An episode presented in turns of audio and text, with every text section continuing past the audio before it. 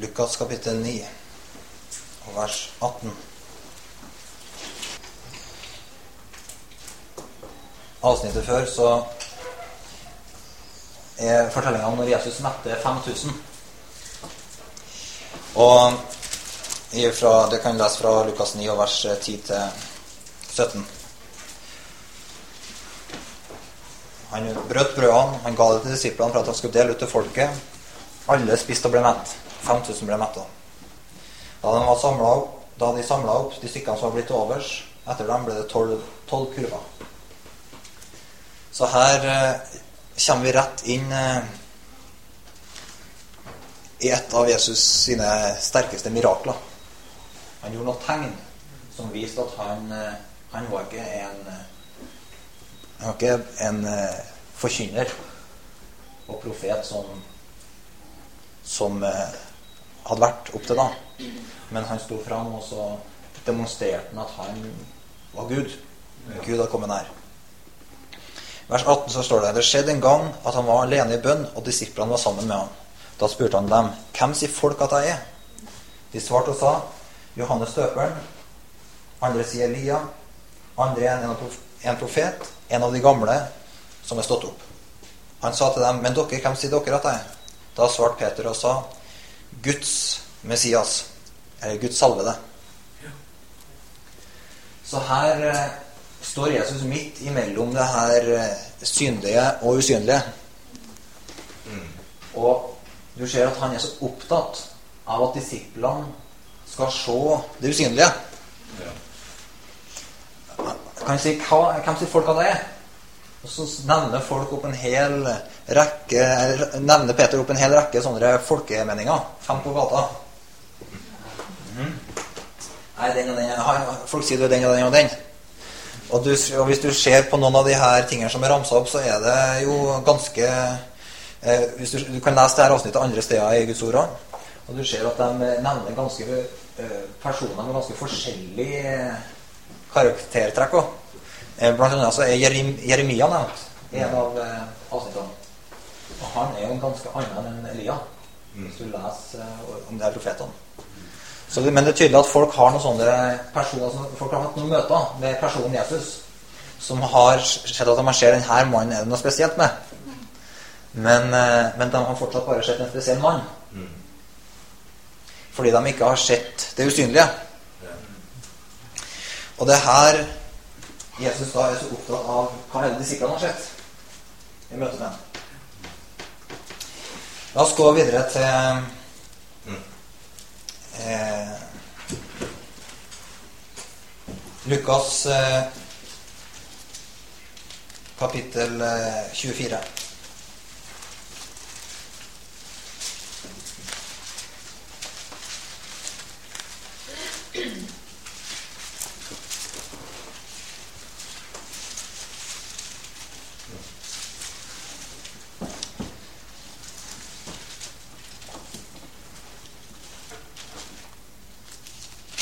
Lese fra vers 36. Der har vi her to disiplene som var på vei til en naboby som heter Emmaus. De har plutselig oppdaga at de gikk sammen med Jesus på veien. Dette er etter at Jesus har stått opp fra de døde. Okay? Så de er på vei til Emmaus. Og så oppdager de plutselig at Jesus har gått sammen med dem idet han bryter brødet. Plutselig så er han Å, det her er jo Jesus! Og det er jo litt sånn eh, eh, for, Litt sånn snedig. For her er det folk som har kjent Jesus, og så, han, så dør han, og så står han opp igjen. Og så kjenner de ham igjen. Før det øyeblikket han bryter brødet. Hmm. I know the way you break your bread. That must have been Jesus! Men så Og så, og så forsvinner han foran øynene for. Og så tenker jeg Ja, men egentlig så skjønte vi det hele veien. For det brant jo i hjertene våre når han begynte å legge ut fra hele Skriften da, at han var Messias. Og så kommer de her da og forteller det da til disiplene som var samla i Jerusalem. Mens de talte om det her, sto han selv midt iblant dem og sa til dem.: Fred være med dere. Men de ble forferdet og fylt av frykt og trodde det var en ånd de så.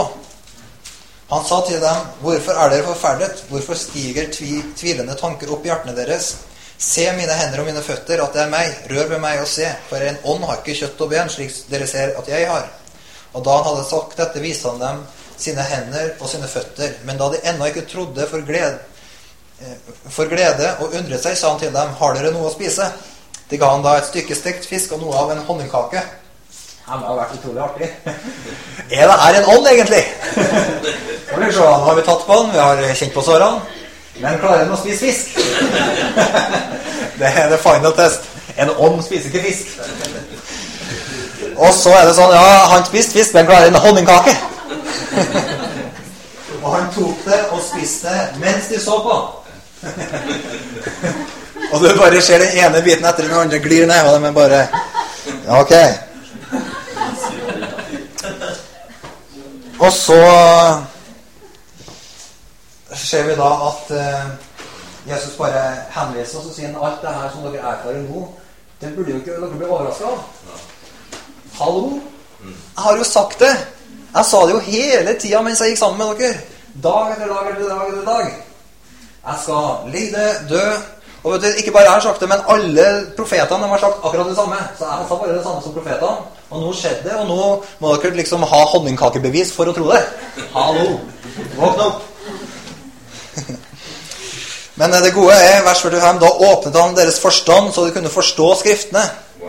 Og han sa til dem Så står det skrevet at Messias måtte lide og stå opp fra de døde den tredje dag, og at i hans navn skal omvendelse og syndenes forlatelse forkynnes for alle folkeslag fra Jerusalem av. Dere er vitner om dette. Så her åpner Jesus Skriftene på en sånn måte at jeg forstår at alt som har skjedd foran dem, i kjøtt og blod, hadde en enda viktigere åndelig dimensjon. Ja. Disiplene visste utmerket hva som hadde skjedd. Ja visst. Jesus hadde gått med dem i tre år. Han hadde vært en, eh, et strålende eksempel på Guds liv. Han levde det perfekte livet. Han var prega av kjærlighet til alt han gjorde, og så kom da syndere korsfesta han. Og han hadde fortalt alt det her skulle komme til å skje. Men så kommer da dagen der de ser oppstandelsen. Og, og enda de bare de skjønner det her er fakta som skjer, da. Men så når Skriften da blir åpna for dem, så skjønner at det her var ikke bare en rekke hendelser som skjedde mellom oss og Jesus, men Skriften ble åpna for dem, og så skjønte de alt som har skjedd, i lys av det usynlige.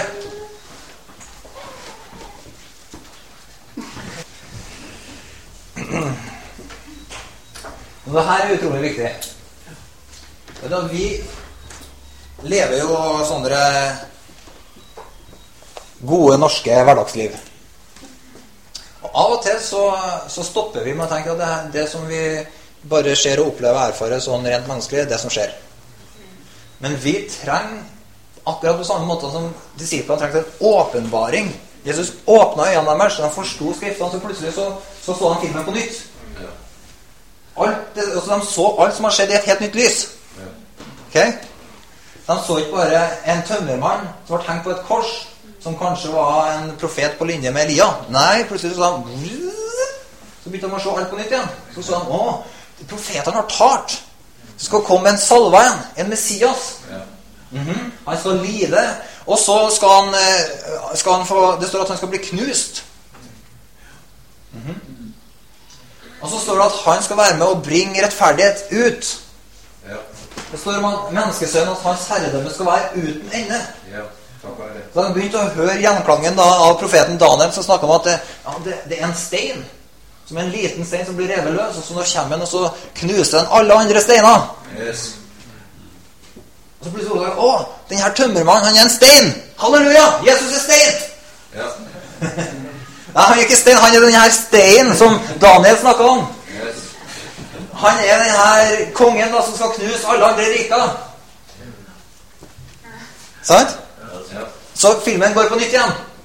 Ja. Så plutselig så hører de bergpreken på nytt, og så ser de Hei, hei, hei! Det her var ikke bare liksom, eh, liksom eh, 2000, nei, år nulltallets beste moralpreken. Nei, nei, nei. Hallo! Det var kongen Ja. som kom med noen himmelske prinsipper. Som, som ga oss livsloven i sitt rike. Ja.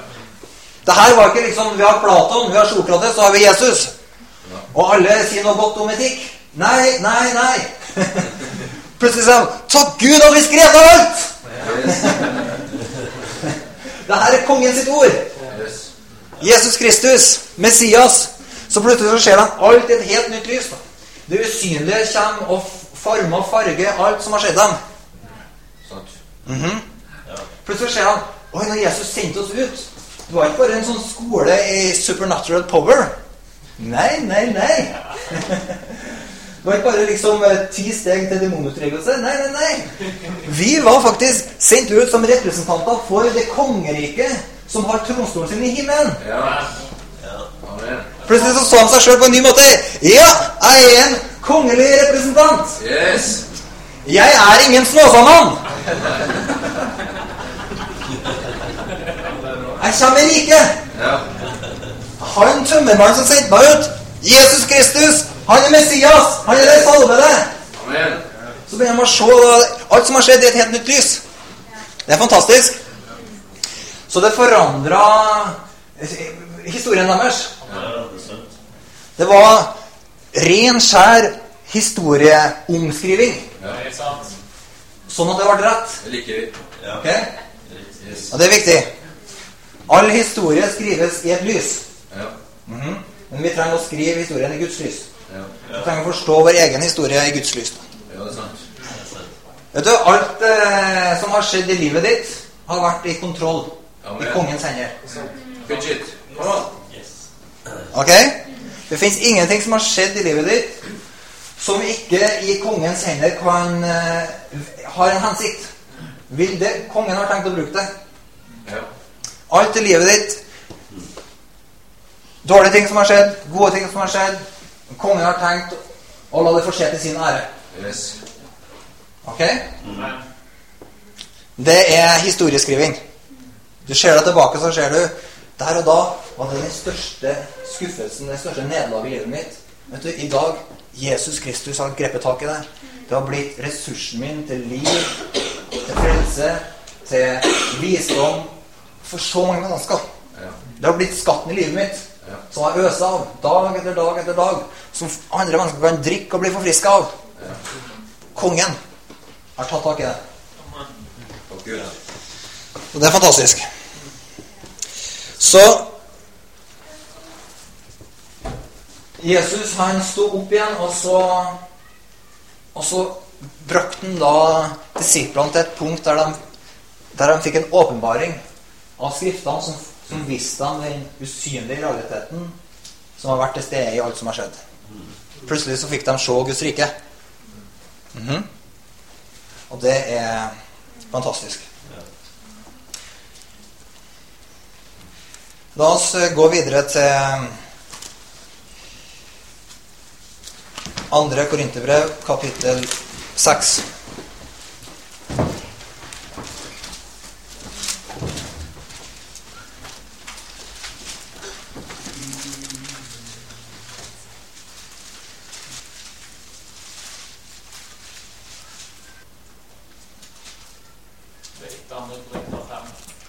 Andre Korinterbrev 5. Takk, Torvald. Nei, ett av det.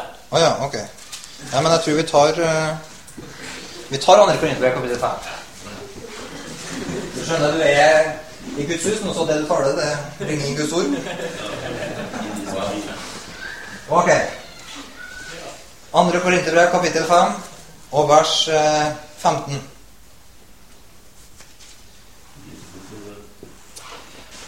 Han, altså Jesus Kristus, døde for alle for at de som lever, ikke lenger skal leve for seg selv, men for Han som døde og ble reist opp for dem. Så kjenner vi fra nå av ikke noen etter kjøttet. Har vi òg kjent Kristus etter kjøttet, så kjenner vi han nå ikke lenger slik. Derfor, om noen er i Kristus, da er han en ny skapning. Det gamle er borte, se, alt er blitt nytt. Amen. Men alt dette er av Gud, Han som forlikte oss med seg selv ved Kristus og ga oss forlikelsens kjennelse. Så her trekker Paulus da erfaringa av Jesu oppstandelse og Jesus som det nye mennesket rett inn i vår erfaring. Han sier at noen kjente tømmermannen fra Nasaret. Altså noen kjente Kristus etter kjøttet. Men hvis dere kjente den på den måten, så kjenner dere den ikke lenger sånn. Mhm. Det er på en måte irrelevant. Vi forholder oss til den oppstandende. Vi forholder oss til Kristus på troen. Vi forholder oss til det evige livet fra Gud. Ikke til en tømmermann. Vi har ikke noen mening om tømmermannen fra Nasaret, vi. -hmm. Vi har bare en relasjon til Jesus Kristus, Guds sønn. Ja. Og faktisk så er det sånn vi forholder oss til hverandre òg. Ja. Jeg har eh, dødd med Jesus Kristus. Hvis vi leste litt før i det her eh, avsnittet i Lukas, hvor vi åpna i sted, så så vi at det var tre fantastiske damer som har vært og sjekka grava mi. Mm. Står det. Det var tre damer som for en morgen sjekka at graven min var tom. Og den var tom. Det betyr jeg dødd med Jesus. Men når jeg kikker inn i den grava som har vært lagt i sammen med Jesus, så ser jeg at den er tom. Jeg har solide øyenvitner. Vet dere? Alle evangelistene har øyenvitner med på at grava er tom. Okay? Det er min grav, det er din grav. Ja. Den grava er tom. Den gamle Håvard han ble lagt i ei grav. Men vet du, Håvard sto opp til et nytt liv. Yes. Så jeg priser Gud for at grava mi er tom. Det betyr at jeg er ikke død, men jeg lever. Yes. Og kjente du en gang Håvard før grava? Eller før korset? Og før grava? Skal jeg bare si deg en ting? Han er død. Ikke forhold deg til han. Hvis du prøver å dra fram noen sånne gamle greier fra det gamle livet mitt, og prøver å si 'du er sånn', kan jeg bare veldig frimodig si 'jeg er ikke sånn'. Det der er ikke min humor. Okay? Det der, det der Den Håvard du snakker om der, jeg kjenner den ikke. Jeg behandler ikke mennesker sånn. Jeg har hørt om en Håvard en gang. Er, har, det er utrolig mange som kommer til meg og snakker om en Håvard som jeg ikke kjenner. Og akkurat som om du vet hva man er. Nei, jeg aner ikke hva man er. Grava mi tom. Yes. Så hvis du vil eh, forholde deg til meg, så må du forholde deg til han som eh, sto opp med Kristus. Ok? Amen. Og det er veldig enkelt sånn at, at vi som Guds folk er et folk på andre sida av grava. Ja. Vi tror på en menighet som er korsfesta, begrava og oppreist. Yes. Mhm. Derfor så jukser vi aldri med dåp. Vi gjør ikke disipler uten dåp. Det er bare Det er bare sånn uh, dressering. Da kan du få folk til å gjøre en hel del ting. Så det er bare sånn Du trener bare Det er, som, eh, det er bare dressur. Bare gjør folk tam. Ok? Nei, det gamle mennesket må dø. Det skjedde på korset med Kristus. Det må jeg grav, og så må det forsvinne. Det kom noe nytt opp. Og det gjør vi heldigvis i dåpen òg. Ja. Vi lar ikke folk bli værende under. Vi tar dem opp igjen. Yes. Oppreist med Kristus. Det er viktig. Husk på det alltid. Ikke la folk bli værende i grava. Ok? Det kan få skjebnesvangre konsekvenser både for dette livet og det kommende.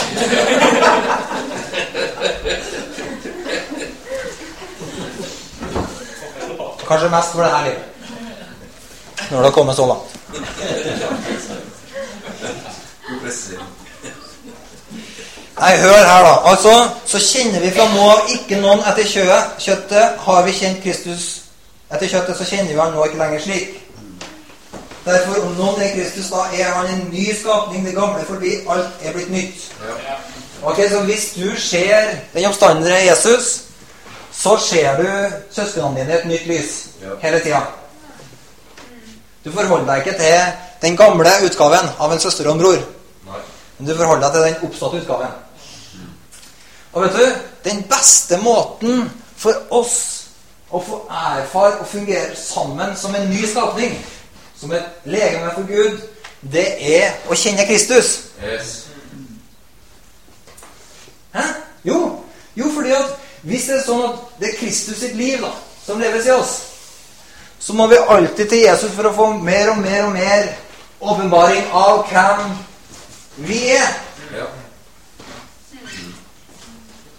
Så vi går inn for Guds trone for å bli kjent med hverandre.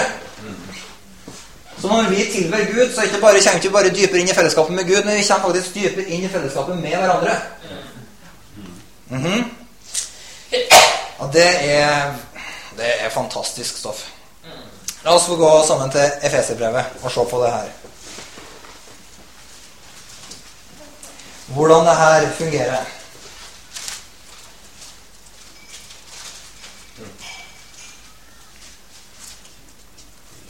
I kapittel 2 fra vers 1. Også dere har han gjort levende, dere som var døde ved deres overtredelser og synder. I disse vandret dere før på denne verdens vis, etter høvdingen over luftens makter, den ånd som nå er virksom i vantroens barn. Også vi vandret alle blant dem i våre kjønnslyster, og vi gjorde kjødets og tankenes vilje. Vi var av naturen vredens barn, slik som de andre. Slik som de andre, ja. Men Gud, som er rik på miskunn, har på grunn av sin store kjærlighet, som han elsket oss med, gjort oss levende med Kristus. Vi som var døde ved våre overtredelser, av nåde er dere frelst. Altså, hør her. Han reiste oss opp sammen med Han, og satte oss med Han i himmelen i Kristus Jesus, for at Han i de kommende tider kunne vise sin nådes overveldende rikdom i godhet, mot oss i Kristus Jesus. Av nåde er dere frelst ved tro. Dette er ikke av dere selv, det er Guds gave. Så det betyr grava er ikke bare tom, og korset er ikke bare tomt, men tronrommet begynner å fylles. Yes. Så vi kjenner hverandre. Det er faktisk sånn at Skal jeg fortelle en hemmelighet? Det er ikke bare jeg som sitter på tronen med Jesus. Men Lars Martin Han er der også. Det er bra. Malene er der. Lise er der.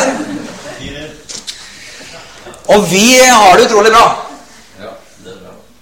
Fordi vi kjenner hverandre foran Guds trone. Så for at jeg skal få bli kjent med den Lise som sitter på troen, med Kristus, så må jeg kjenne Kristus. Så må jeg leve friskt i den, her, i den ånd som stadig åpenbarer Kristus for meg. Som stadig åpenbarer det Guds tronrom for meg. Fordi da kan jeg og Lise fungere sammen i et nytt liv. Og så begynner vi å kjenne hverandre som nye skapninger. Og det betyr veldig enkelt at Kristi gave er tilmålt hver enkelt. Hver enkelt har en del av Kristi liv som er unikt. Sammen er vi Jesus sin kropp, som rommer fylden av Han. Men hver enkelt har en gave av Kristus tilmålt i livet sitt. Som betyr at når jeg begynner å elske Jesus mer og mer, så begynner jeg å bli tiltrukket av søsken. Ja. Fordi jeg elsker Jesus, så blir jeg bare betatt av Lars Martin. Yes. Jeg beundrer Jesus, og jeg blir bare grepet av Lars. Yes.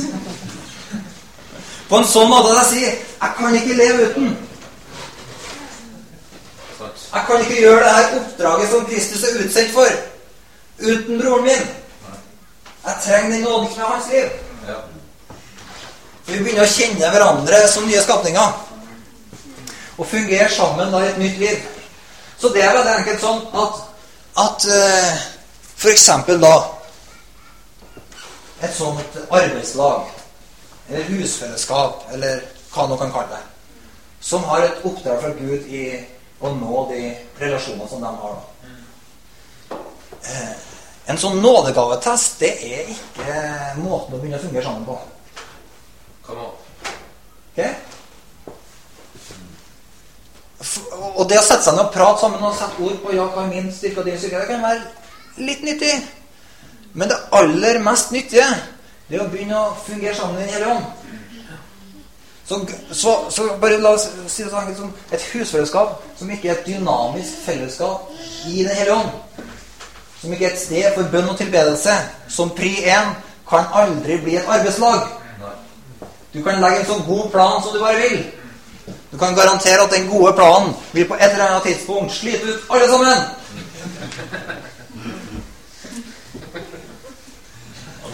Eller du kan legge en så lite ambisiøs plan som gjør ting så lett og lite krevende som du bare vil. Og du kan garantert Folk blir frustrert. Du får konflikter. Til slutt ender opp det her Jeg vil det skal være sånn. Nei, jeg vil være sånn. Jeg vil ha det på den måten. Vi må ha samlinger for ungene. Nei, vi må ha for studentene. Vi må nå det miljøet. Nei, jeg vil nå mine venner. Jesu navn! Get out! Kom an! Ut av grava. Yes. Inn for tronen. Ja. Søk ut sammen. Kjenn at Den hellige ånd bare maler opp melodien i hjertene våre. Så vi kan begynne å fungere sammen. Spille sammen. Vi hører den samme tonen. Så plutselig så begynner vi å oppdage Å, hallo! Det her er jo lett. Det er jo liv fra Gud. Ja. Her er det her er å flytte sammen i et oppdrag. Vet, det er Guds prinsipper. Det nye menneskets sine prinsipper. Ja. Og da er det utrolig lett å kjøre hele denne sensitivitetstreninga i etterkant. For da sier vi bare hvem, Hvordan skal vi løse det her? Så sier vi bare ja, jeg føler Gud tar det her til meg. Og jeg gjør det her. Og så sier vi har du- jeg bare ser du har en nåde på deg, kan ikke du ta det? Og så bare er det en flyt. Ja.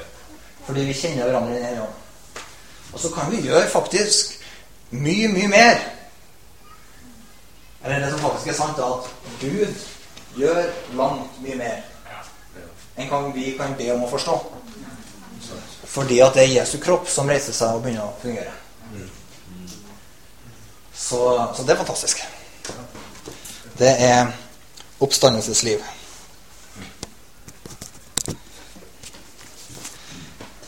Så denne usynlige virkeligheten da, den eh, berører forståelsen vår av Kristus og historien vår og hvordan vi forstår verden rundt oss. da. Og så berører det forståelsen vår av hvordan vi forholder oss til hverandre og fungerer sammen. Eh, Jeg har lyst til å trekke fram et, eh, et område til. Vi kunne ha snakka om å forstå verden i lys av Kristus i så mange områder. Men jeg har lyst til å trekke fram eh, et område til.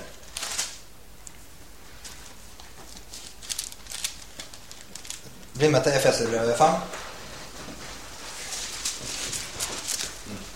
Og vers 1.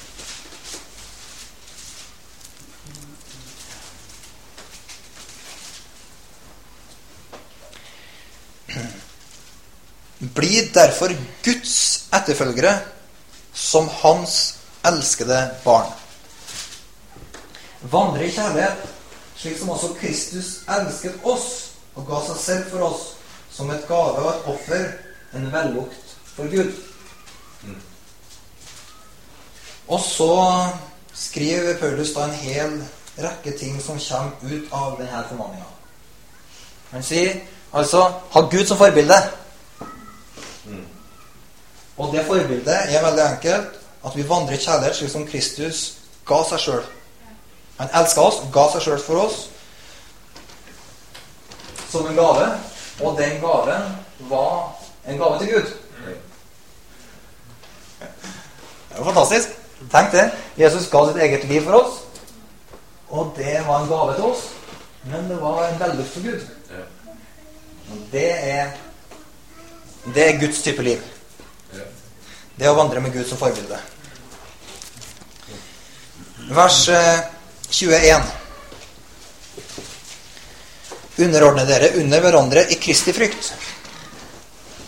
Dere hustruer, underordne dere under deres egne menn som under Herren. For mannen er kvinnens hode, slik som også Kristus er menighetens hode, han som er sitt legemes frelser.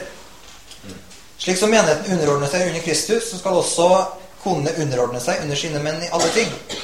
Dere menn, elsk deres koner, slik som også Kristus elsket menigheten og ga seg selv for den, for å hellige den ved å rense den ved vannbadet i ordet slik at han kunne stille menigheten fram for seg i herlighet, uten flekk eller rynke eller noe slikt, men at den kunne være hellig og ulastelig. Vet du Guds type liv kommer til syne i overalt hvor det er fellesskap. Når Guds rike kommer, så blir Guds liv synlig. Og her sier altså Paulus at vi skal ha Gud som forbilde. Og så snakker han da i en sånn salig blanding om menigheten og ekteskapet. Og det er noe av det mest usystematiske som Paulus gjør, samtidig som han er veldig systematisk. Det virker som et eneste stort rot når du leser det. Han snakker om menigheten, og så snakker han om Kristus. Og menigheten snakker om ektefeller, ektemenn og hustruen og sånn. Men han knytter det her utrolig sammen. Og hele Paulus nå, hele Paulus sin poeng her det begynner i begynnelsen på kapittel 5, der han snakker om å ha Gud som forbilde. Ok? Så knytter han det her sammen så sier sånn som Jesus da ga sitt liv som en gave for oss, som da var en gave til Gud og en vellukt for Gud, sånn skal dere leve. Og så sier han at det her forbildet er forbildet både for hvordan vi forstår menigheten og forstår ekteskap. Han starter det usynlige. Og så tar han det fra det usynlige og så bringer han det inn i det synlige. Og sier han, Du starter med Gud. Så beskriver han da det her livet hos Gud, som er denne her kjærlighetslivet som Jesus demonstrerte. Og Så starter han usynlige, og så sier han det her har veldig praktiske, synlige konsekvenser. Eh,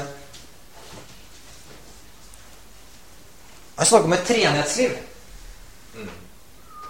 Hvis vi har Gud som forbilde, så må vi ha den treenige Gud som forbilde. La oss bare ta et sånt eksempel fra kapittel 1 i Efeserbrevet.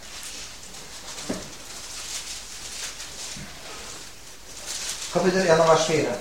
I Kristus har Han utvalgt oss før verdens grunnlag ble lagt, for at vi skulle være hellige og ulastelige for Hans åsyn. I kjærlighet har Han forut bestemt oss til å få barnekår hos seg ved Jesus Kristus etter sin frie viljes råd. Ok? Gud hadde et råd. Vår frelse var ikke en sjefsbeslutning. Vår frelse var et resultat av en plan som var lagt i en rådslagning i Gud.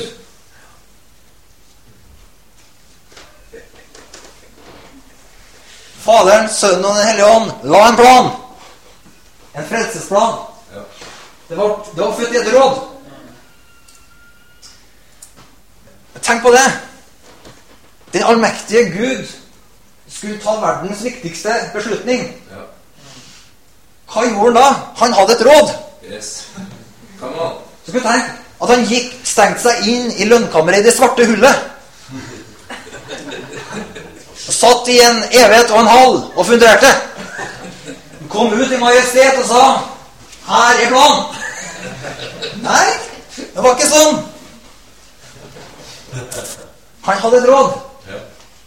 Det var Faderen, det var Sønnen og Den hellige ånd som, som var sammen i Guds frelsesråd. Og når du ser hvordan planen her ble utarbeidet, så ser du det var genialt at det var et råd. Fordi at du finner det at når Gud arbeider ut sin plan, så ser du at Sønnen og Den hellige ånd kommer på plass i denne planen. Yes. Det er Faderen og Sønnen og Den hellige ånd som arbeider sammen. Frelsesverket is not a one man show. Nei. Jesus er ikke alene om frelsesverket. Det er Faderen, det er Sønnen og Den hellige ånd som sammen arbeider ut Guds plan. Ja, det her er utrolig viktig. Vet du, det her, de sannhetene her, de er for oss så viktige fordi vi har sett det usynlige, at vi ikke kan gå på en lederskapskonferanse med det siste innen lederskapsteori og si sånn gjør vi det i menigheten. Det er sant. Vi sitter på sånne lederskapskonferanser og tenker Kjære Gud i himmelen. Vi har sett noen ting som gjør at alt det her blir uvesentlig. Yes. Pitch it. Som gjør at vi kan ikke gå på en del sånne her eh, ekteskapsveiledningskurs som bare f.eks. oppmuntrer folk til å ta noen sånne eh, gi og ta-avgjørelser. Som hjelper folk til å praktisk organisere hverdagen sin sånn at det glir rundt med minst mulig gnisninger. Som en del sånne psykologer og parterapeuter vil anbefale folk å gjøre. Nei, vi kan ikke, vi kan ikke engang anbefale folk å ta sånne kurs. Fordi vi har Gud som forbilde. Ja. Så må vi Vi skal se det usynlige bli synlig. Ja. Vi tror ikke denne verden har svaret for denne verden. Vi tror det fins hos Gud.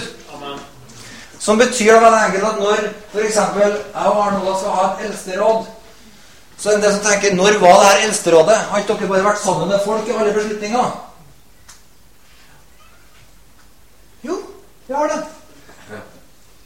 Vi var aldri alene. Vi stengte aldri døra. Men var, vi gikk denne veien sammen. Og så plutselig er det folk som Ja, men det var jo jeg som kom opp med det her. Ja, halleluja. Men Gud tar til det. Fordi vi, vi, vi ser noe i Gud. Lederskap handler ikke Når vi ser på Gud, så ser vi et lederskap Det handler ikke om å ha en mening og så få det gjennomført. Men det handler om å høre sammen. Det handler om å lede oss sammen en vei der vi sammen hører fra Gud. Yes. Der vi sammen trekker noen sånne konklusjoner innenfor Gud og sier ja, vi og Den hellige ånd. Ja. På en sånn måte at vi sammen da kan arbeide ut. Fordi vi vet vi kan gjøre det her fordi vi sammen har hørt fra Gud. Og hver enkelt som er der, vet at jeg har noe å gi inn i det her. Ja. Gud har reist meg opp for denne hensikten. Så det kommer aldri til å komme en plan i denne forsamlinga født på et bakrom i et vakuum. Nei. Ok? Come on. Pitch it. Fordi vi tror på det her lederskapet som er som Kristus Jesus. Han som ga seg sjøl. For å se denne bruden frigjort. Stilt fram i herlighet. Ok? Så, og akkurat det samme tror vi på i ekteskapet òg. Vi tror ikke på sånne ektemenn som stenger døra, funderer i tre dager og kommer ut med å si 'Her er familiens vei'. Halleluja. Nei, vi tror, vi tror på ektemannen som idet de satt forlovelsesringen på fingeren til kona si Som en dag skulle bli kona. Så viste han at det her er min død, begravelse og oppstandelse. Amen.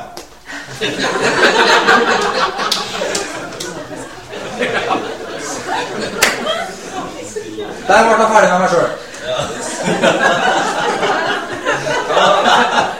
Jeg merker det med større og mindre grad med jevne mellomrom. Men så vet du at, at det er korsets liv. Som betyr da at å være en ektemann Det handler om å elske kona på en sånn måte at du må ha prosesser. Yes. Du har et ansvar for at det er en samtale. Du har et ansvar for at hjertet blir lufta. At alt kommer på bordet. Tanker og følelser blir brakt fram i lyset. Ja. Og når alt blir brakt fram i lyset, og vi sitter der og sammen sorterer og er uenige, så plutselig så hører vi bare Guds stemme i alt som skjer. Så sier vi ja, den veien går vi. Sammen. Ja. Så kommer vi faktisk aldri til det punktet heller hvor vi sier Jo, nå bestemmer jeg. Fordi at vi har sett noe skudd. Til og med den allmektige Gud gjorde ikke det. Han arbeidet ut av et råd hvor de fant hans frelsesplan sammen. Så det har, så det, har det usynlige da, når vi ser å, begynner å gløtte inn i det usynlige og ser Faderen og Sønnen og Den hellige ånd arbeider ut Guds frelsesplan. så skjønner vi, Måten de arbeider på, det, det har betydning for hvordan vi forstår Guds menighet. Det har betydning for hvordan vi forstår en kropp Ja. sammen. Det har betydning for hvordan vi forstår familieliv. Ekteskap det står dere fedre, vær ikke hard mot barna, så dere vekker eh, bitterhet. Tross. Trass. Men det, det har med Guds liv å gjøre. Du må Du kan ikke bare Oi! Nei, du må være i en berøring. Du må være i en dialog. Det må skje noe sammen. Og så må du være tydelig. Men alt skjer i det her eh, fellesskapet.